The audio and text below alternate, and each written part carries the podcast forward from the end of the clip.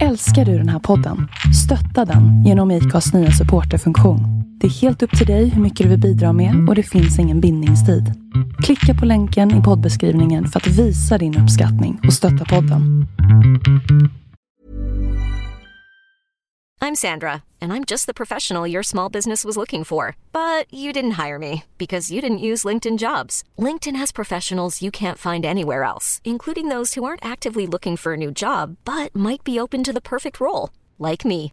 In a given month, over 70% of LinkedIn users don't visit other leading job sites. So if you're not looking on LinkedIn, you'll miss out on great candidates like Sandra. Start hiring professionals like a professional. Post your free job on linkedin.com/achieve slash achieve today. Hi, I'm Daniel, founder of Pretty Litter. Did you know cats tend to hide symptoms of sickness and pain? I learned this the hard way after losing my cat Gingy. So I created Pretty Litter, a health monitoring litter that helps detect early signs of illness by changing colors, saving you money and potentially your cat's life. Pretty Litter is veterinarian developed, and it's the easiest way to keep tabs on your fur baby's health right at home. Go to prettylitter.com and use code ACAST for 20% off your first order and a free cat toy. Terms and conditions apply. See site for details.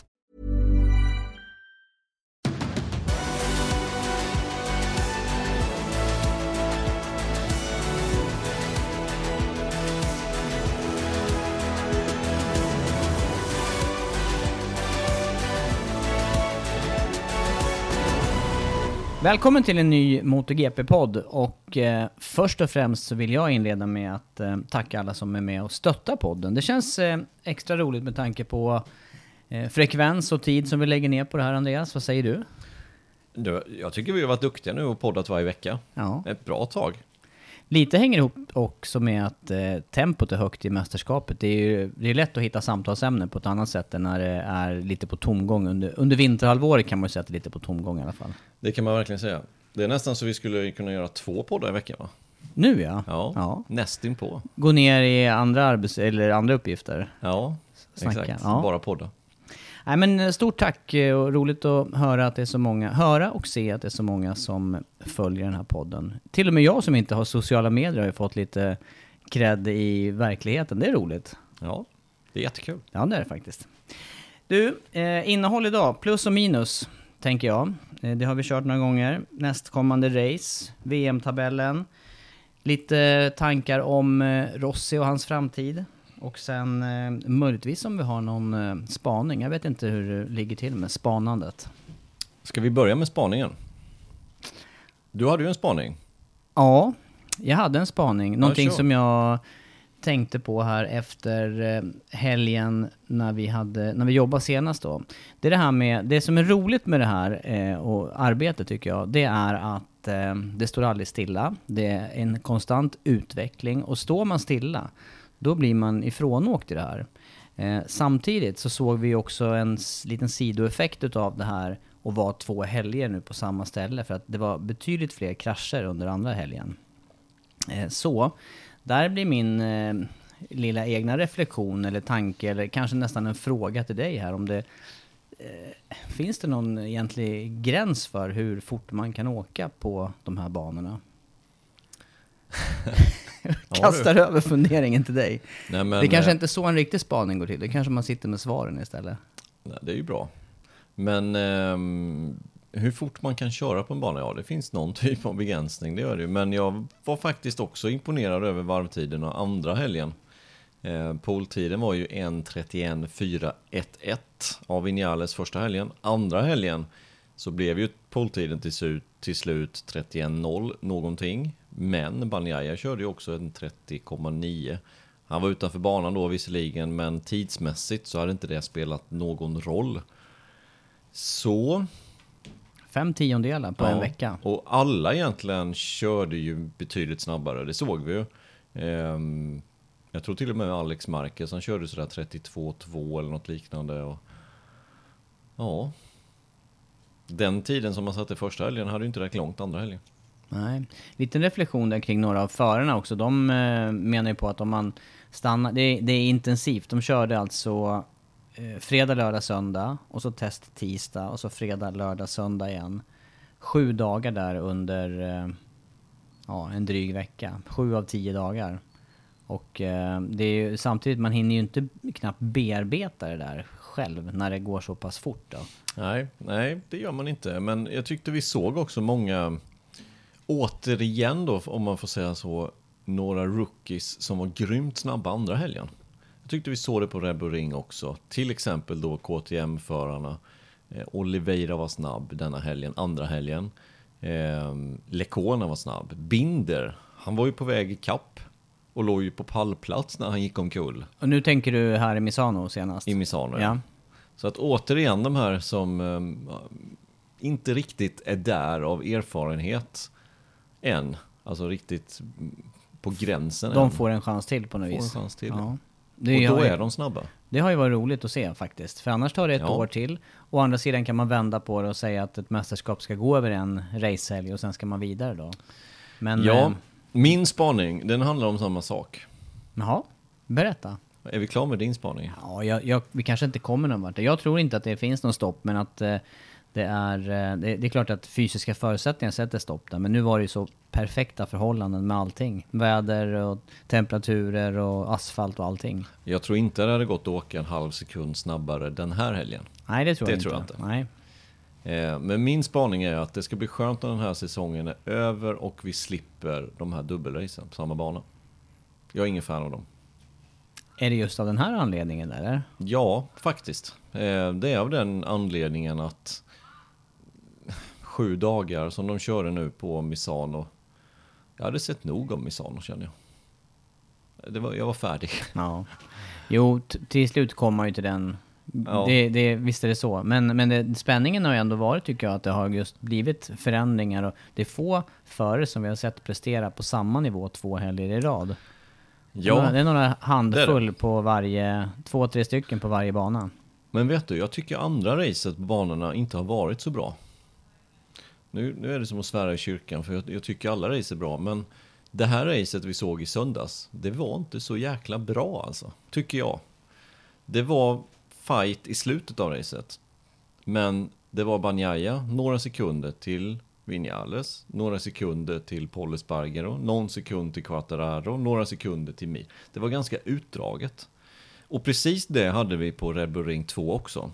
Utdraget, sen blev det rödflagg och allting blev helt annorlunda. Det blev ett superbra race avgjordes i sista svängen.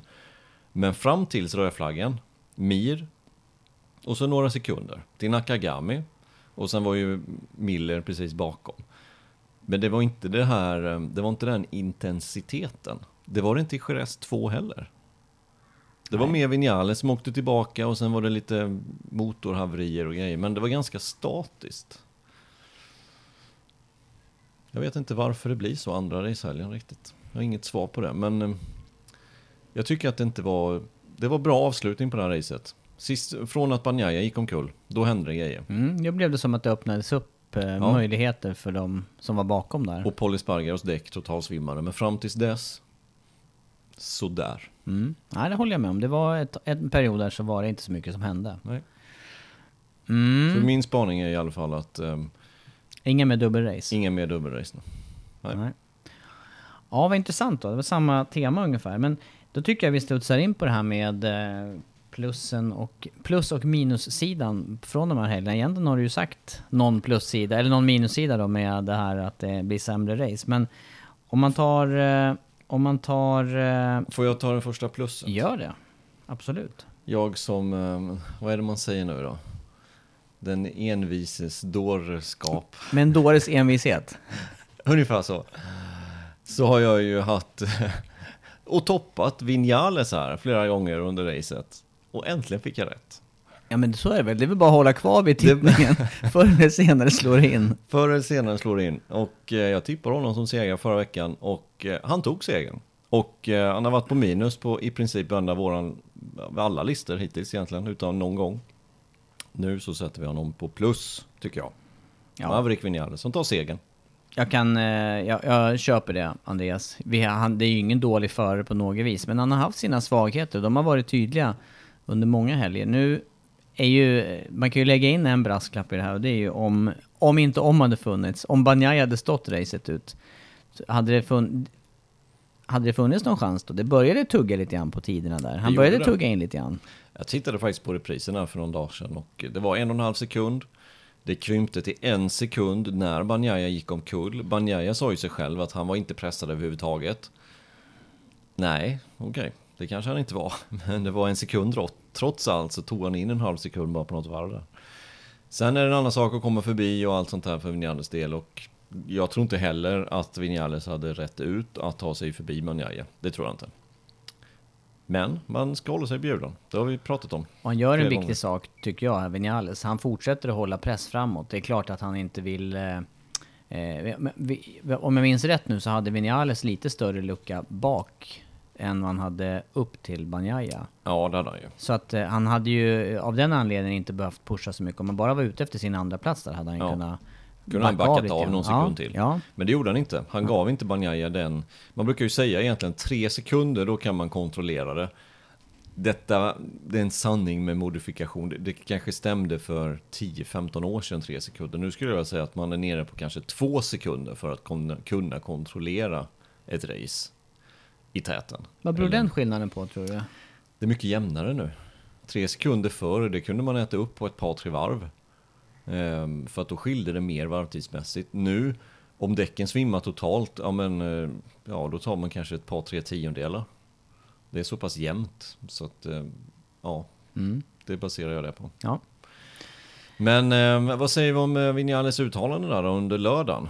Han hängde ju ut sin, eh, sin eh, däcks... Eh, Tekniker eller? Ja, Ja, eller eller, vad det var, ja just det. Jag tycker det är, eh, nej, det är mindre bra att göra. Det är inte bra, i, i stunden kan man ju förstå. Jag tror, det är nog tecken på frustrationen här som vi har sett förut hos honom. Eh, att det blir så att man på något vis ska frust- lyfta fram någonting som kanske inte ligger hos en själv då. Men han har ju samtidigt haft den här, nej han skulle, han skulle ha tjänat på att inte göra det tycker jag. För att det är så mycket teamarbete som gör det så att det där skadar mer än i stunden på något vis. Det är lite sån Ja. eh, hugg i ryggen för mig. ja, Kniv Ja, i ryggen. Onödigt. Det visar på något sätt lite frustration, precis som du säger, känner Ja. jag med. Och, ehm, Det hade aldrig Hayden gjort. nej, Till Nej. exempel. det finns många som inte hade gjort Nej, så. det finns många. Men jag tänker på, det är nästan motpolen. Jag hörde honom Ja. aldrig. Han åkte Ducati där och gnetade på i hur länge som helst. Och Ja.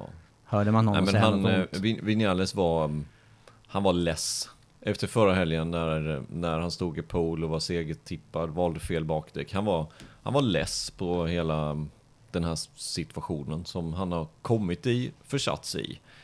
Vi har ju sagt det många gånger under sändningen att de här mindre bra resultaten, det är, det är inte bara hans fel. Det är inte bara hans fel. Det är olika omständigheter. Det är slirande koppling. Vi gick ju igenom dem ganska mm, noggrant här för något tag sedan. Ja. Lite oflyt. Ja. Och kan han vända det där till lite flyt istället? Då blir han en, en, en, den utmanaren som vi trodde från början att han kommer vara. Och nu ligger han en poäng efter mästerskapet. Så nu är han ju återigen... Ja, han är ju med där uppe nu. ja, det är som att börja om på nytt ja nästan. exakt. Ja. ja, kul att han hamnar på plus till slut då. Sjätte segraren, har vi rätt? Har jag rätt där? Den här året? Eller Ja. femte? Hur många race har vi kört då? Har vi inte kört sju race? Och i så fall är det sjätte segraren. Det är bara en som har vunnit två gånger och det är Quattararo. Ja. Ja, plussida. Jag vill lyfta något annat på plus. Någon Kör. annan, något annat. Eh, jag tänker ett fabrikat här. KTM då, om man nu tittar på två racehelger. Då skulle jag vilja lyfta KTM, för de har gjort eh, eh, sin läxa till helg två tydligt. Och eh, är med på en bana som... De är med med flera förare på en bana som på pappret innan vi inte ser som någon stark bana för dem. Ja, jätteimponerande. Av det. alla förarna. Lecona som låg, vad låg han, sjua när han kraschade. Eh, Oliveira då som också, blev han sexa till slut, Oliveira tror jag. Nej, Oliveira blev femma till och med. Då låg de femma, sexa då helt enkelt. När Mm. de kraschade, eller när Lecona kraschade bort sig. Paul Espargaro som tar den där sista pallplatsen. Binder som kraschar bort sig från en pallplats, eller tilltänkt pallplats. De har alla förarna med där helt enkelt. Superimponerande faktiskt. Ja, imponerande. På en sån bana. Som man inte riktigt förväntar sig att de ska kunna vara med. Nej, och det kändes... Eh, den mest jämförbara cykeln med dem, Ducati, Ducatin där, den kändes ju inte... De förarna kändes inte lika jämnt snabba som KTM. Nej. Så där, det är verkligen ett märke att, eh, ett stort utropstecken som det har lossnat för ordentligt under året. Men som kanske har lite problem med det då som vi var inne på tidigare här. Nu, nu är det Barcelona i helgen då som kommer och där kör vi bara en gång. Hur Där kan det bli annorlunda ja. Ja, de kanske behöver liksom den här andra helgen, både Lecona och Binder framförallt tänker på första säsongen i KTM för båda. De Mm. behöver liksom lite mer bantid. Oliveira hyfsat färsk ändå också. I, Absolut. hyfsat färsk. Ja, det är. Absolut. Nej, det är sant. Där behöver det inte bli lika lätt resa. Eller så passar eh, asfalt eller underlag eller greppnivå bättre. Så att det av den anledningen gör att de Mm. förarna är med. Mm. Jag vet inte. Ja, vi får analysera det under den punkten när vi kommer till det. Ska vi ta ett plus till då? Nu kör vi ett plus till, tredje Bara plusset. rinner in plus här. Faktiskt, det är Ja. mycket plus idag, ska vi, ska vi säga från början här. Nej, men då säger jag ett plus till då. Ja. Då säger jag killen från uh, Mallorca, Ja, Joan Mir. han är absolut ett plus. Stort Verkligen. utropstecken. Och uppkörning som man gör den här eh, racehelgen. Elfte plats startar han på och slutar tvåa. Förra helgen åtta, slutar trea. Alltså kvalar åtta, slutar trea. Vettigare kval på honom. Det är ju segrar. Han är alltså fyra poäng efter i mästerskapet. Ehm, han har två nollor. Han är den som har tagit flest poäng de senaste fyra racen av alla. Och till och med, om vi går tillbaka ett race till, då var det på eh, Bruno. Då blev han omkullkörd av Lecona. Räknar man med den nollan som han fick där, så har han fortfarande flest poäng på de fem racen. Det är imponerande. Han är inne i en väldigt stark period och kanske den som är mest, eh, mest jämn i toppen. Ja, det är häftigt. Jag tycker också att det har... Och det som har imponerat där på mig, förutom resultaten där, det är hur han har tagit resultaten, hur han har gjort racen. För han har alltså kört om förare fram till sina positioner. Och det är ju ett steg svårare än att göra ett bra kval och sen hålla den positionen. Absolut. Absolut. Är han en eh, tänkbar eh, vinnare då? Av det här mästerskapet? Jag börjar tro det mer och mer för att just som vi snackade förut här eller under, under våra sändningar. Eh, dels VM-titel i Moto 3 och eh, han gjorde ju det med, ja nu minns jag inte om det var 10 segrar men det var något liknande. Det var det. det, var det. Eh, och, och det i den klassen som även den säsongen var jämn. Det, det måste vara något extra med föraren i, i fråga. Ja, jag tror det också. Jag tror absolut han har stora möjligheter. Det som skulle kunna förhindra det då, det är för att alla har snackat upp honom nu. Under den senaste veckan framför allt. Ja. Att, att han börjar känna både möjligheten och pressen lite. En sak till som egentligen är styrkebesked, det är ju han slog sig rejält förra året och tappade stora delar av den säsongen och är tillbaka med fart. Alltså har det, och, och ta sig tillbaka från en sån här stor krasch också, det är också en, en sak som på något vis på den här nivån ingår för alla att göra. Det gör det. det, gör det. Och, och det är på något sätt som man ser storheten i om man kan komma tillbaka från en stor skada. Det har vi pratat om också många gånger, att just att kan man nollställa det och komma tillbaka, det är många då som inte kan. Nu kan de flesta det på den här nivån för de har slagit sig så mycket förr. Eh, Men det är också en styrka. Nej, jag tror det också. Jag tror han kommer bli livsfarlig eh, i mästerskapet. Får han bara den här första segern som han rånades på i, i, eh, i Österrike. Får han bara den och kan få till kvalen lite.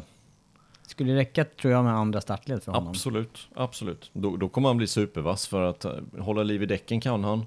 Och han, han och även Rins, då den andra Suzuki-föraren, gnällde ju på att det var lite för... De led av att det var för bra fäste. Så att cykeln kändes bättre när bakdäcket hade gått ner lite grann och det var lite sämre fäste. Och jag känner igen det där. Det där är en sak som som man nästan blir hånad för när man gnäller på lite. Att ja, men jag håller på att köra på insidan på, på kurbsen eller man har för bra fäste helt enkelt. Ehm, då kan man ju tycka, men då är det bara att åka lite fortare. Men det funkar inte så riktigt. Utan då måste man hitta andra vägar. Och ja, när däcken blir slitna så såg vi hur vass han var. Och just lite- den här killerinstinkten när han kör förbi. Det var ingen tveksamhet, det var pang bara. Det är häftigt att se. Ja, det är väldigt coolt att se. Det är verkligen häftigt. Det är, det är speciella förare som har den, den egenskapen. Men just det där, man- jag tycker man får lite svart på vitt nu med det här med, med vad för bra fäste kan göra. För det är ju många som har haft problem under året här med, med bakdäcken för Michelin. Att de, är, att de ger för bra fäste in i svängarna och att man då måste jobba med körstil eller Mm. måste jobba med inställningar och ja, det, är- att det, är, det är svårt att köra med för bra fäste och, och göra någonting av det helt enkelt. Ja, Ja, det är plussidan där. Vi kanske har några fler plus förresten. Vi, kan, vi måste kanske varva med någon minus. okej. Kör ett minus då. Ja, då är det eh, för mig... Mm, ja, jag skulle vilja lyfta Quartararo den här gången på minussidan. Jag tyckte han gjorde onödigt stor affär av sina varningar till exempel. Eh, samt att... Eh, eh, ja, ah, jag hade också förväntat mig honom högre upp under racet med tanke på förutsättningarna och Yamahans eh, styrkor och hans egna styrkor där på banan. Så Nej, inte, inte klockren racehelg och ett lite onödigt eh, fult avslut på helgen. Ja, jag kan inte mer än instämma. Jag håller faktiskt med. Jag, eh, jag trodde det när vi, när vi kom till Misano 1 så kände jag att den här är en jämn säsong men den kommer inte vara så jämn nu efter de här två helgerna som, som kommer. För jag var helt övertygad om att Quartararo kommer dominera, han kommer ta segrar, han kommer gå ifrån i mästerskapet. Ehm, för den farten har han. Men håller vi på att se det här? Håller han på att krackelera lite grann? En sån här reaktion är ju ett, ett litet tecken på det, kan jag tycka. Vi har ju sett många gånger att han, han gestikulerar ganska våldsamt på hojen när, han- när någonting inte stämmer. Men den där kraschen som kom i kurva 4 första racehelgen, den var inte bra. Den var inte bra. Jag tror in, inte bara att han gick miste om potentiellt en seger eller 20 poäng eller något liknande. Utan även mentalt där. Kanske känner han att han måste backa av någonting nu för att inte riskera en krasch till. Ja, jag tror att eh, utan den kraschen så hade han varit betydligt tuffare i, i eh, omkörningsförsöken i söndags till exempel. Han låg bakom Paul Sparger på ett sätt som, som jag inte trodde att han skulle göra så länge som han gjorde. Sen ska vi komma ihåg, supersvårt att köra om Paul Sparger och Paul Sparger och blockar också för glatta livet, ungefär så som Rossi gjorde under första helgen. Det var allting som det gick ut på, det var att blocka. Och då är det inte lätt heller att köra förbi när man har en liten effektsvagare cykel heller. Men Mir gjorde det. Och han Ja. gjorde det direkt. Ja, precis. Ehm, ja. Nej, jag håller med där. Och sen, han stormade av cykeln rakt in bakom boxen. Ehm, det, på, på ett sätt så kan jag tycka att visst, han är 21 år gammal och sådär. Så att, och sen har vi sett att han då gör de här ganska stora gesterna på cykeln också. Så att det, det förvånade mig inte heller så. Sen fick vi ju se från, från franska Kanal Plus, hade ju filmat honom när han var uppe hos tävlingsledningen. När han då slängde allt möjligt omkring sig uppe i korridorerna där och sa några svordomar dessutom och sådär. Så att lite, lite stora, lite stora mm, gester. Ja, och vi, ja, som förare då, kan man hävda att man inte har sett det här eller att det inte ska ha kommit ut eller inte ha... Jag menar, det måste ju kommuniceras. Den här...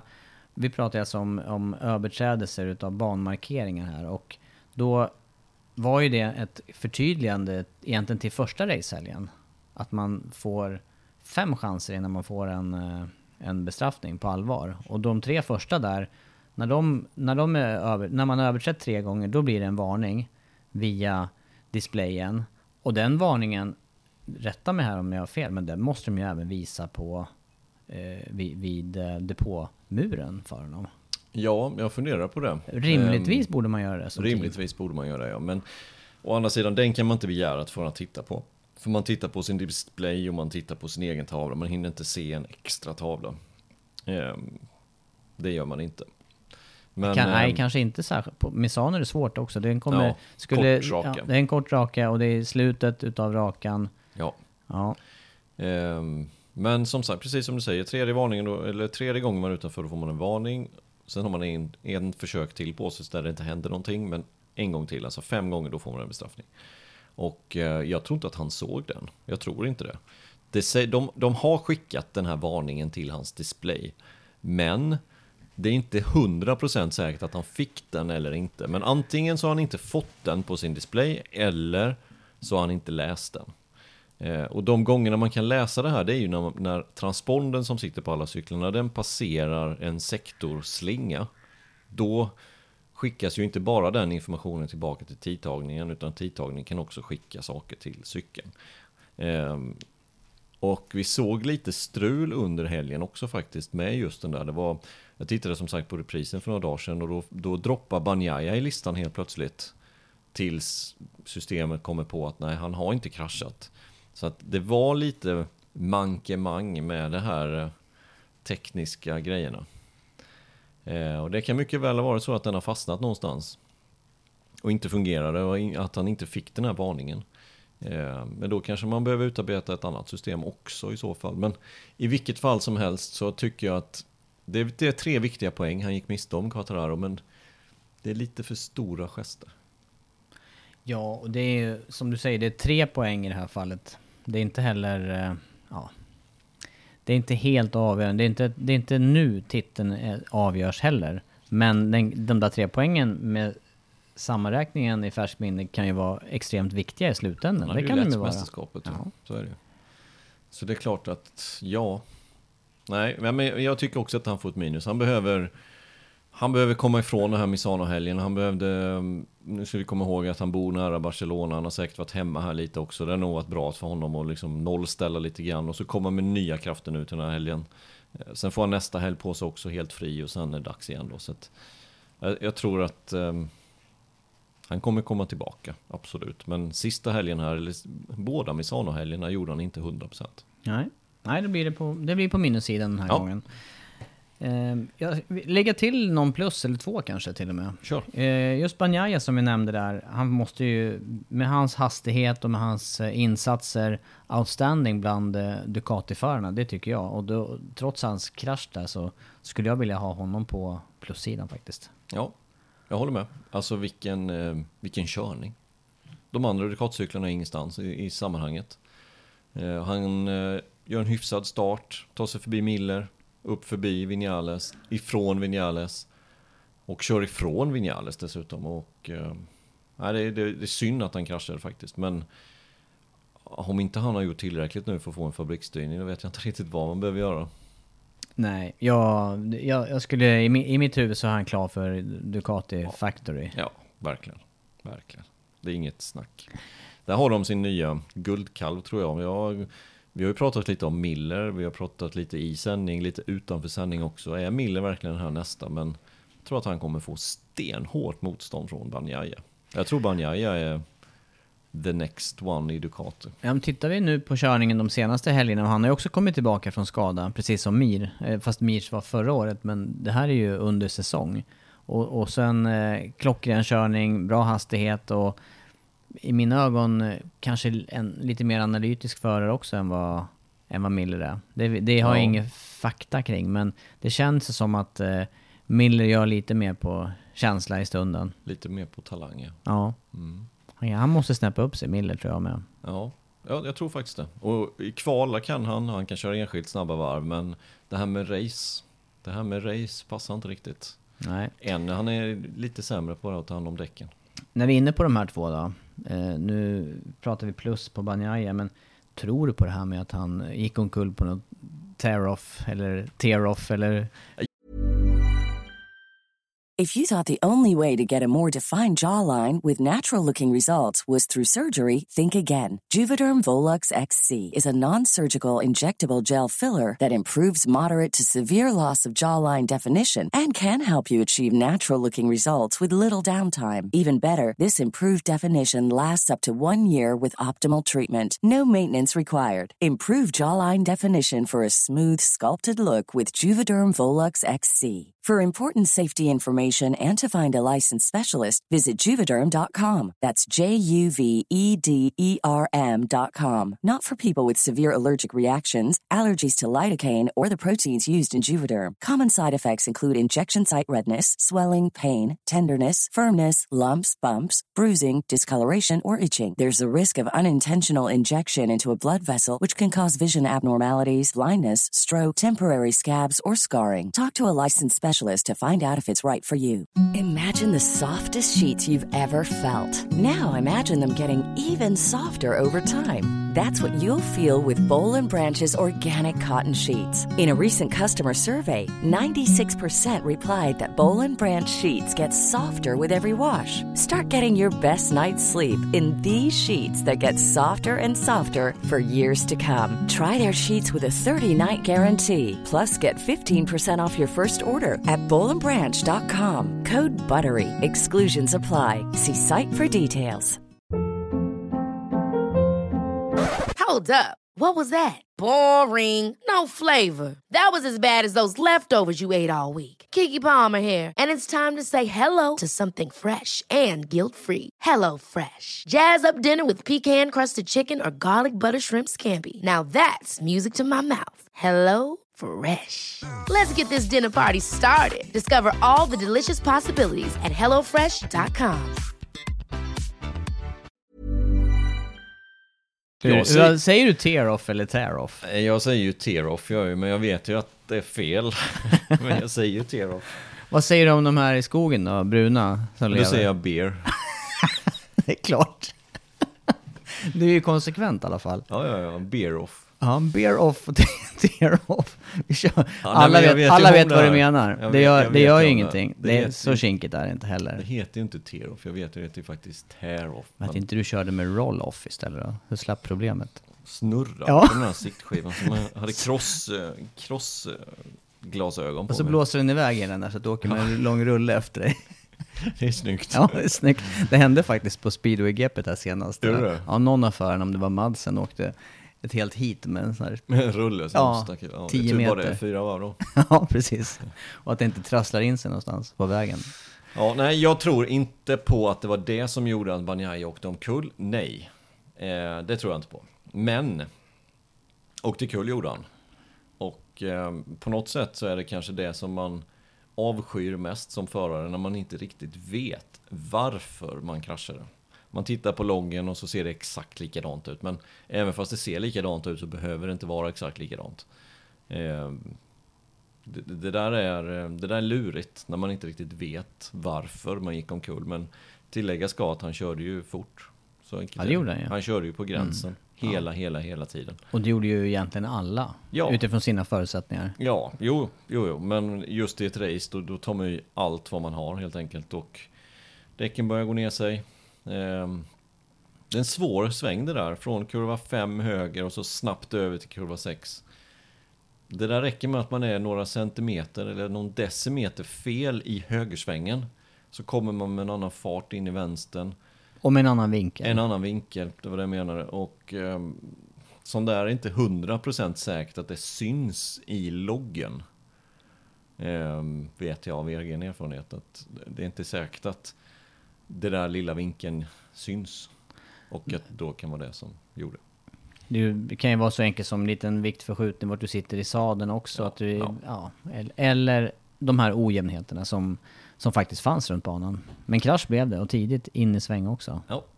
Och det är ju där kraschen kom också, i den svängen. Den kom ju tidigt. Precis då när man lyfter fram änden för att byta sida och sen när man sätter ner den så, så är inte cykeln i harmoni riktigt. Ja, kritiskt. Men du, de här tear-offen, de ställde ju till ytterligare problem i teamet dessutom. De gjorde ju det. Tänk om Det tycker jag var intressant. Ja, ja faktiskt. Har, man, har du hört det förut att en tear-off har dragits in i insuget och täppt igen? Nej, jag har Nej. faktiskt inte hört det förut. Men Quattararos tear-off, alltså gå in i insuget på Milles cykel och täpper till vid luftburken helt enkelt. Så att cykeln inte får luft ordentligt och det var därför som han inte hade någon effekt. Och det får man ju inte. Får inte cykeln luft så får man ju ingen effekt. Och ehm, fick bryta racet på grund av det. Och han stormade av cykeln i pitlane och sa det är, det är ingen effekt på den här hojen och var ganska irriterad. Och det förstår jag. Men du, Och- det här... Jag, jag som. Quattararo. ja, just Så det. var det ju 20 på det. Man har ju sin egen lilla klisterbit. Där hade man ju velat ha en Tejp. neutral, Ja. neutral tear-off. Ja. Men, men det här att eh, jag som är lite tekniskt lagd då, just då, bara, bara gör ett nät i, insuget där så att det inte kommer in någonting. Man vill inte ha in strö- skit där. Nej, det vill man inte. Verk, verkligen inte en sån här Nej. plastskiva. Nej, det vill man inte. Det vill man inte. Nej, det skulle man ju haft um, så att det inte kan eh, komma in helt enkelt då. De har ju säkert någonting innanför som gör att inte grus och sånt kan ta sig in i luftfiltret. Men det hjälper ju inte om siktskivan har kommit in i luftburken, då är det för sent. Ja, det var vä- väldigt udda, Ja, väldigt udda, udda, problem. Ja, väldigt udda. Eh, Men man ser ju faktiskt det. det. Det har de ju tagit fram MotoGP på andra varvet när han ligger där bakom och får den här inne i luftburken. Alltså. Slurp. Ja, den, eh, den var svår att eh, gissa sig fram i sändning kan jag säga. Ja, där var, där var vi inte med helt Nej, enkelt. det var inte med. Det var inte med. Vi får kolla synen. Ja. Ska vi släppa den? Ja, En... eh, men, men Ja, en sak till då. säg. Följdfråga. Hur ska vi komma till rätta med det här då? Ska vi förbjuda det? Nej, jag, jag tycker att det är också en säkerhetsfråga att ha dem där. För att det, det, det slår ju nästan aldrig fel. Har du inga sådana siktskivor då, eller tear-off, då är det ju någon blaffa som kommer där på något varv.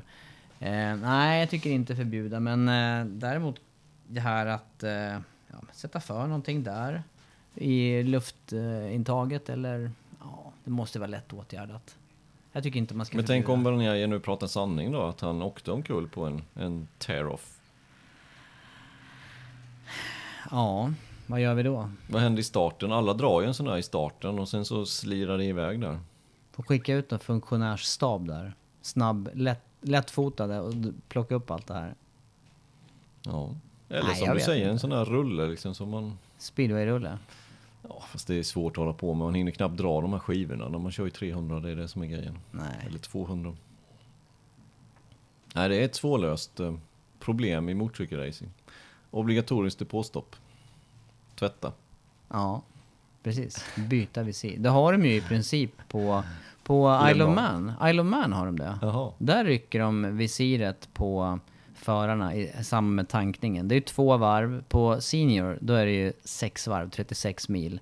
Då det, de måste ju ha något tear-off också. Det har de säkert. Men de drar ju, de, de drar ju dit nytt visir där, nypreppade visir. Då kan det ju vara rätt mycket insekter kan jag tänka mig. Då är det ju skogen jättemycket. liksom ja, ja, det är jättemycket insekter. Ja. Men eh, nej, jag tycker inte man ska förbjuda dem där. Nej, jag håller med. Jag tycker inte det heller. Då får man... Eh, nej, de ska få vara kvar. Eller så får de komma på ett annat, bättre system då, så man slipper slänga någonting på backen.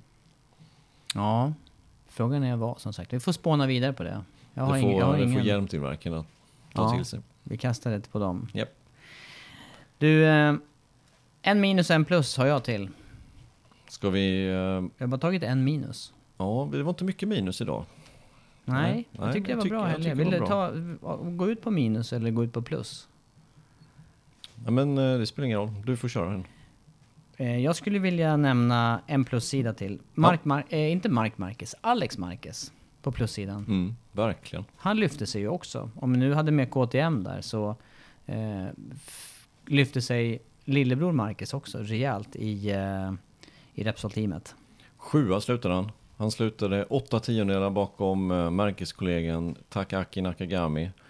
Och eh, toppade warm-upen. Visserligen då kör han på nya medium. De andra körde ju på det mjuka bakdäcket då inledningsvis där på eller hela warm-upen. Men han toppade den i alla fall, toppade ett pass. Stora kliv framåt. Han är före en sån som Andrea Dovizioso till exempel. Som leder mästerskapet. Nej, det, är, det är stora framsteg för Alex Marquez.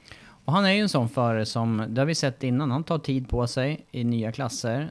Höll på länge innan det blev de här toppresultaten i Moto 2 och till slut ett- en VM-titel. Han gör inte de här överilade grejerna utan han, eh, han gynnas ju säkert av, av den här dubbelhelgen som var också på Misano. Och Det testet gör, däremellan. ja, det, ja, men det gör han säkert. Absolut. Så då ser man ju på något vis att det är eh, potential hos föraren också. Han åker ju bevisligen på en svår cykel med. Svårkörd cykel. Verkligen. Ja, vi behöver inte utveckla så mycket där, men eh, i alla fall nämna honom plus. på plussidan. Mm. Eh, minussidan för mig gäller egentligen...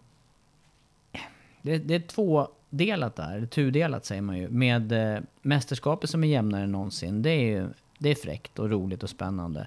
Men jag saknar Mark Marquez. Han, eh, han drar ju upp nivån ett snäpp till. Alla måste, man kan säga att alla är på tå när vi har så många krascher som det är nu.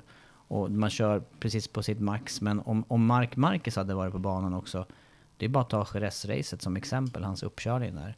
Då ser man att ska man slå honom, då behöver man göra allt rätt hela tiden.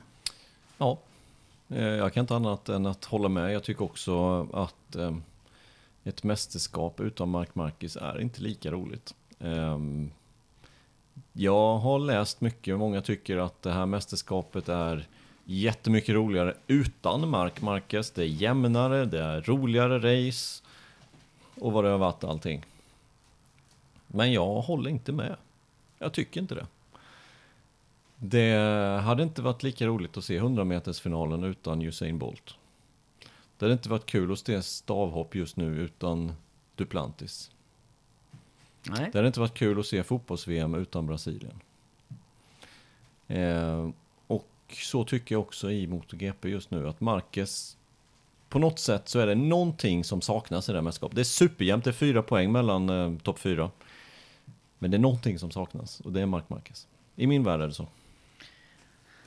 Ja, jag tycker att det är, eh, det är glädjande därför att se det som har skett här under senaste veckan där med en lång intervju med, med Mark Marquez där han eh, pratar lite grann om skadan, han pratar lite grann om tankar framåt och, och, och såklart man märker att det finns en hunger att komma tillbaka och jag tycker man kan läsa, höra mellan raderna att han eh, siktar på någon comeback här i slutet på säsongen. Så att, eh, så att eh, han åtminstone kan förbereda nästa års mästerskap. Jag tycker också det verkar så. Jag tycker det var en positiv intervju som släpptes här under gårdagen tror jag. Vi spelade in det här torsdag, jag tror det var onsdagen eller möjligtvis tisdagen som det släpptes i alla fall. Någon, någon intervju med honom.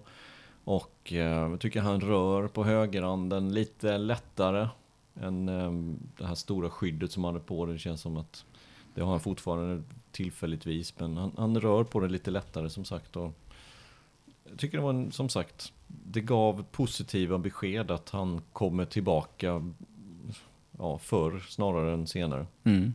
Kanske då det här med muskelmassa och så vidare, att det kan skilja lite grann, men kicka igång eh, comeback i slutet på säsongen här, om det skulle vara ihop med Valencia-helgerna, spekuleras ju också lite grann kring Aragon som är hans favoritbana, men ja, väntar han ytterligare så är ju det de två sista helgerna i Spanien samt då i så fall Portugal, tre racehelger. Nej, första Aragon-helgen då? Vad har du för datum på den?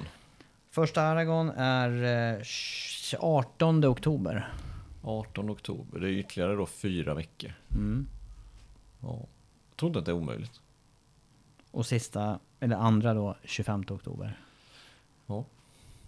Mm. Ja, vi får se. Men eh, minus för att mästerskap... Fan han saknas fortfarande helt enkelt. Jag saknar honom. Ja. Och vi köp, jag köper inte de kommentarerna och de eh, sakerna som sägs att mästerskapet är bättre utan Mark Marquez.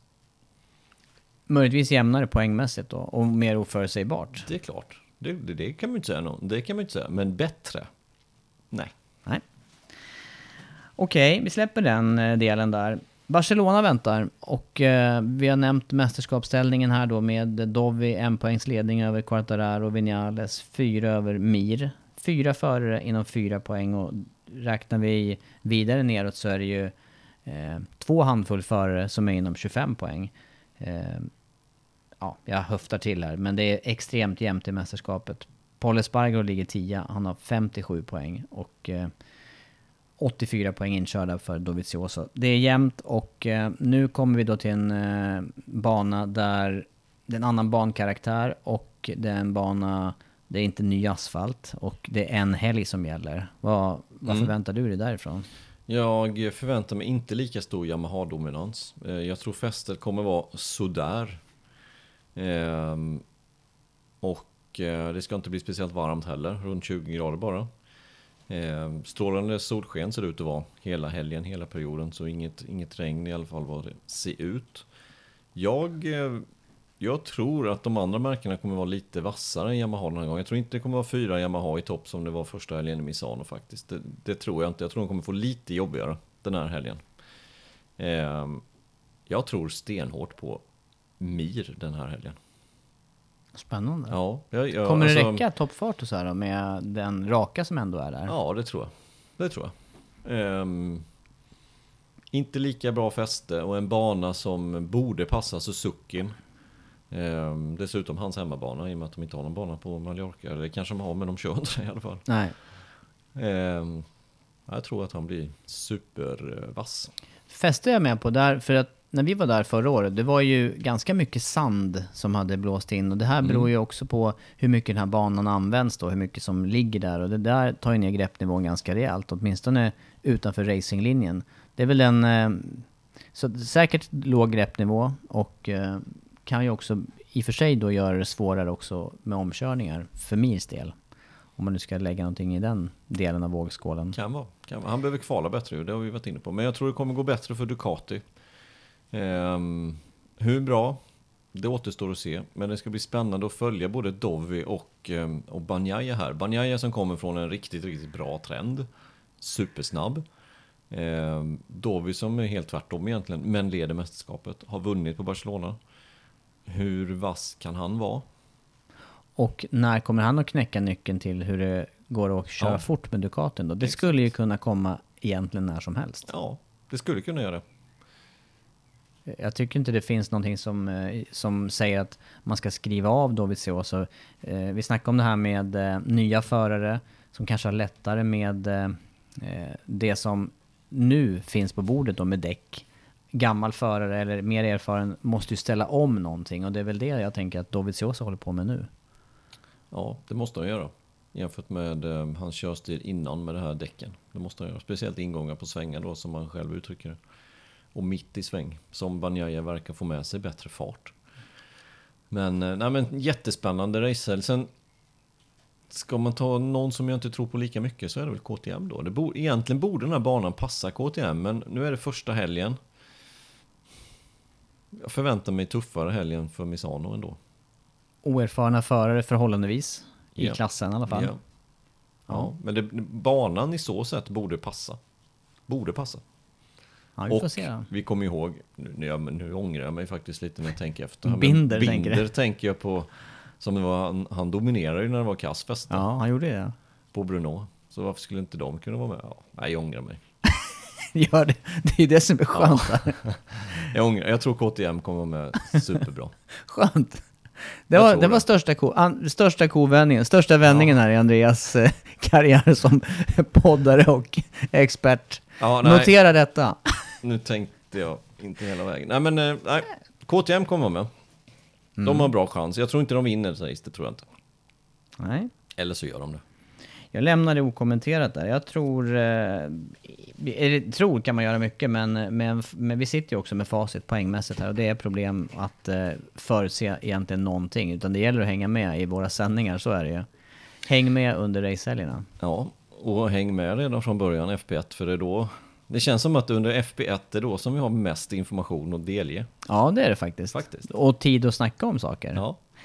Det blir lite... Vasas gjutjärnskanoner och allt vad det kan vara.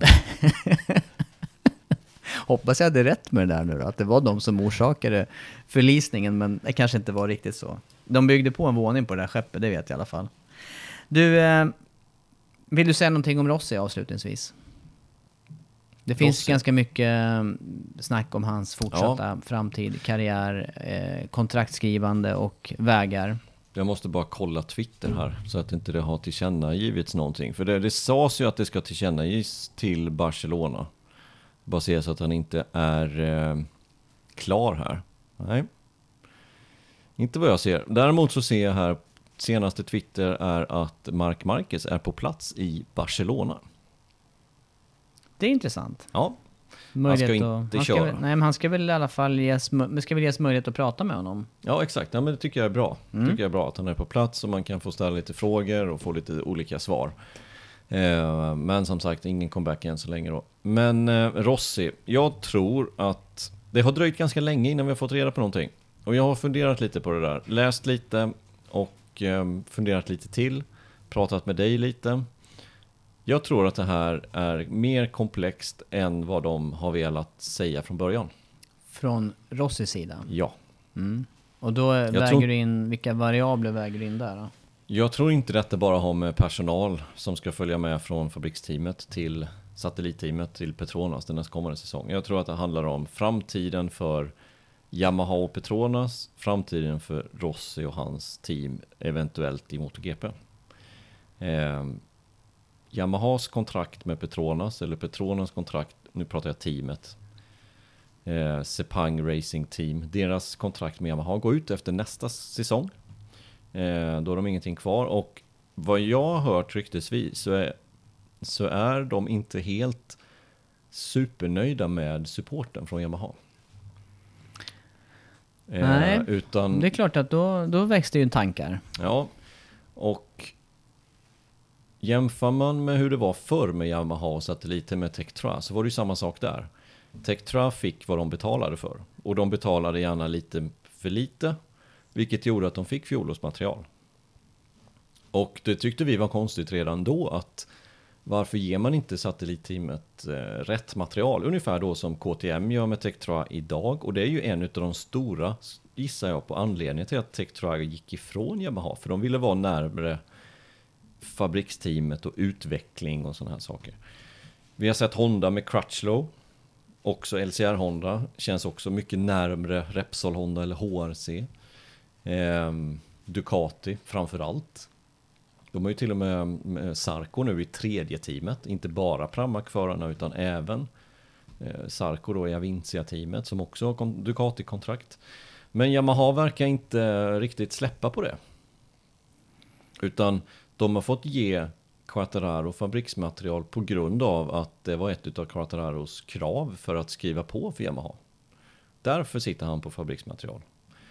Eh, och jag tror inte Petronas och ryktet säger att de inte är så nöjda med detta. Och då är frågan, vad händer då till 2022 sen?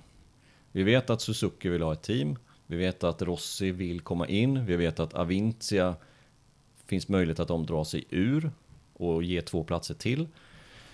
Och där tror jag knäckfrågan handlar om till slut. Och är faktiskt ytterligare en variabel, men det vet inte jag hur, mycket, hur viktigt det är egentligen i totalen. Men, men eh, sen har han en yngre bror som vill in också i, i MotoGP. Men det kanske går att ordna oavsett det här, som du nämner. Det verkar som att han är på gång till Avintia Ducati istället för Rabatt. Rabatt som vi har hört kanske till och med lägger hjälmen på hyllan eller gått superkväm. Men eh, det tror jag inte väger in så jättemycket just i det här. Men frågan är då, vill Yamaha köra med Rossi? Vill Yamaha köra med Petronas-teamet? Vem tar Suzuki istället? Ehm, hur nöjd är Rossi med Yamaha när han har blivit petad ifrån fabriksteamet? För så är det ju egentligen nu. Så är det ju egentligen. Vill han då att sitt team ska köra Yamaha? Eller går han till Suzuki istället? Som han har Davide Brivio som teamchef och har ett nära samarbete förr i tiden. Han var ju, Davide Brivio var ju Yamaha på den tiden när Rossi dominerade i MotoGP. Mm. Men intressanta tankar där.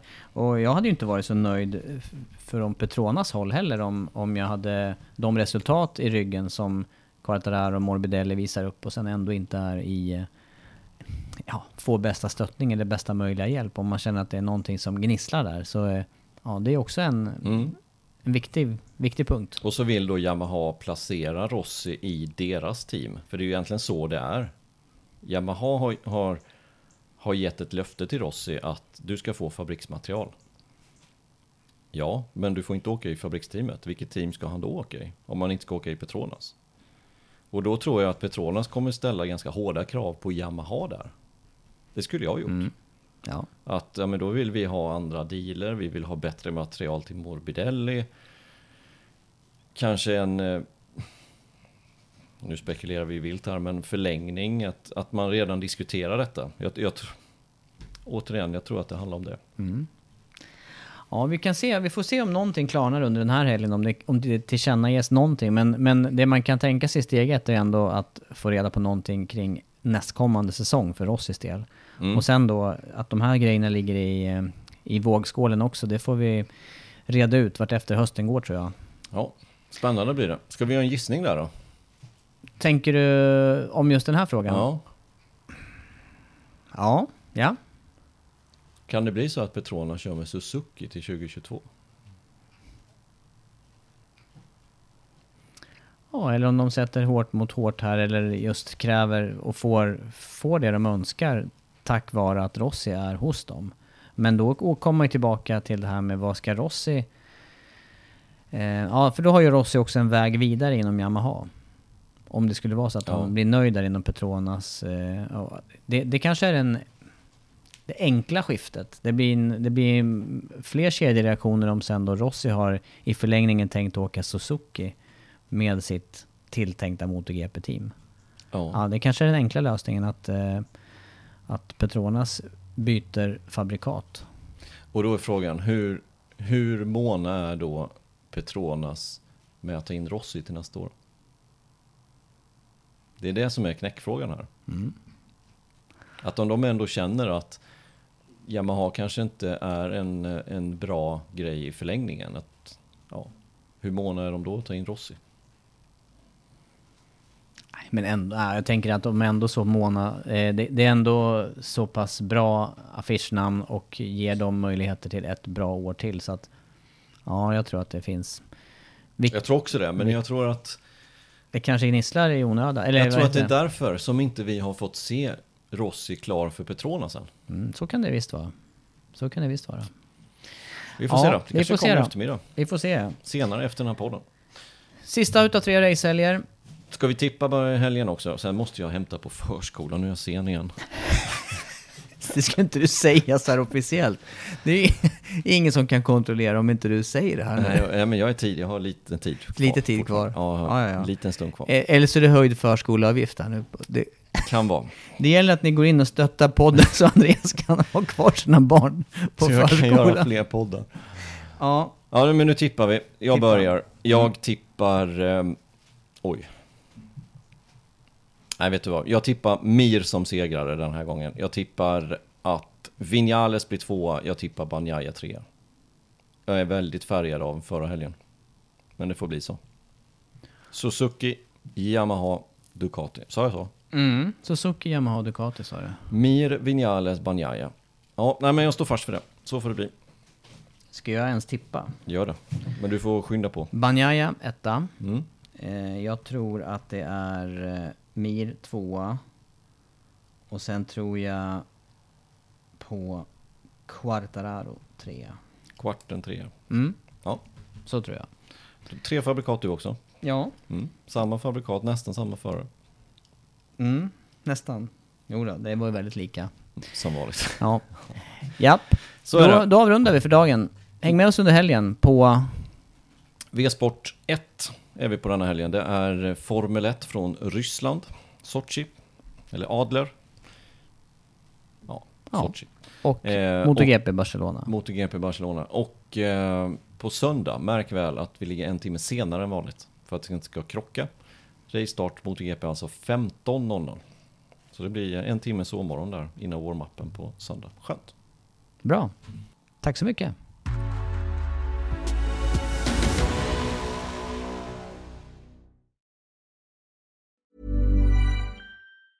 Hey, it's Danny Pellegrino from Everything Iconic. Ready to upgrade your style game without blowing your budget? Check out Quince. They've got all the good stuff shirts and polos, activewear, and fine leather goods, all at 50 to 80% less than other high end brands. And the best part? They're all about safe, ethical, and responsible manufacturing. Get that luxury vibe without the luxury price tag. Hit up quince.com slash upgrade for free shipping and 365 day returns on your next order. That's quince.com slash upgrade. Ever catch yourself eating the same flavorless dinner three days in a row? Dreaming of something better? Well, HelloFresh is your guilt-free dream come true, baby. It's me, Kiki Palmer. Let's wake up those taste buds with hot, juicy pecan-crusted chicken or garlic butter shrimp scampi. Mm. Hello Fresh. Stop dreaming of all the delicious possibilities and dig in at HelloFresh.com. Let's get this dinner party started.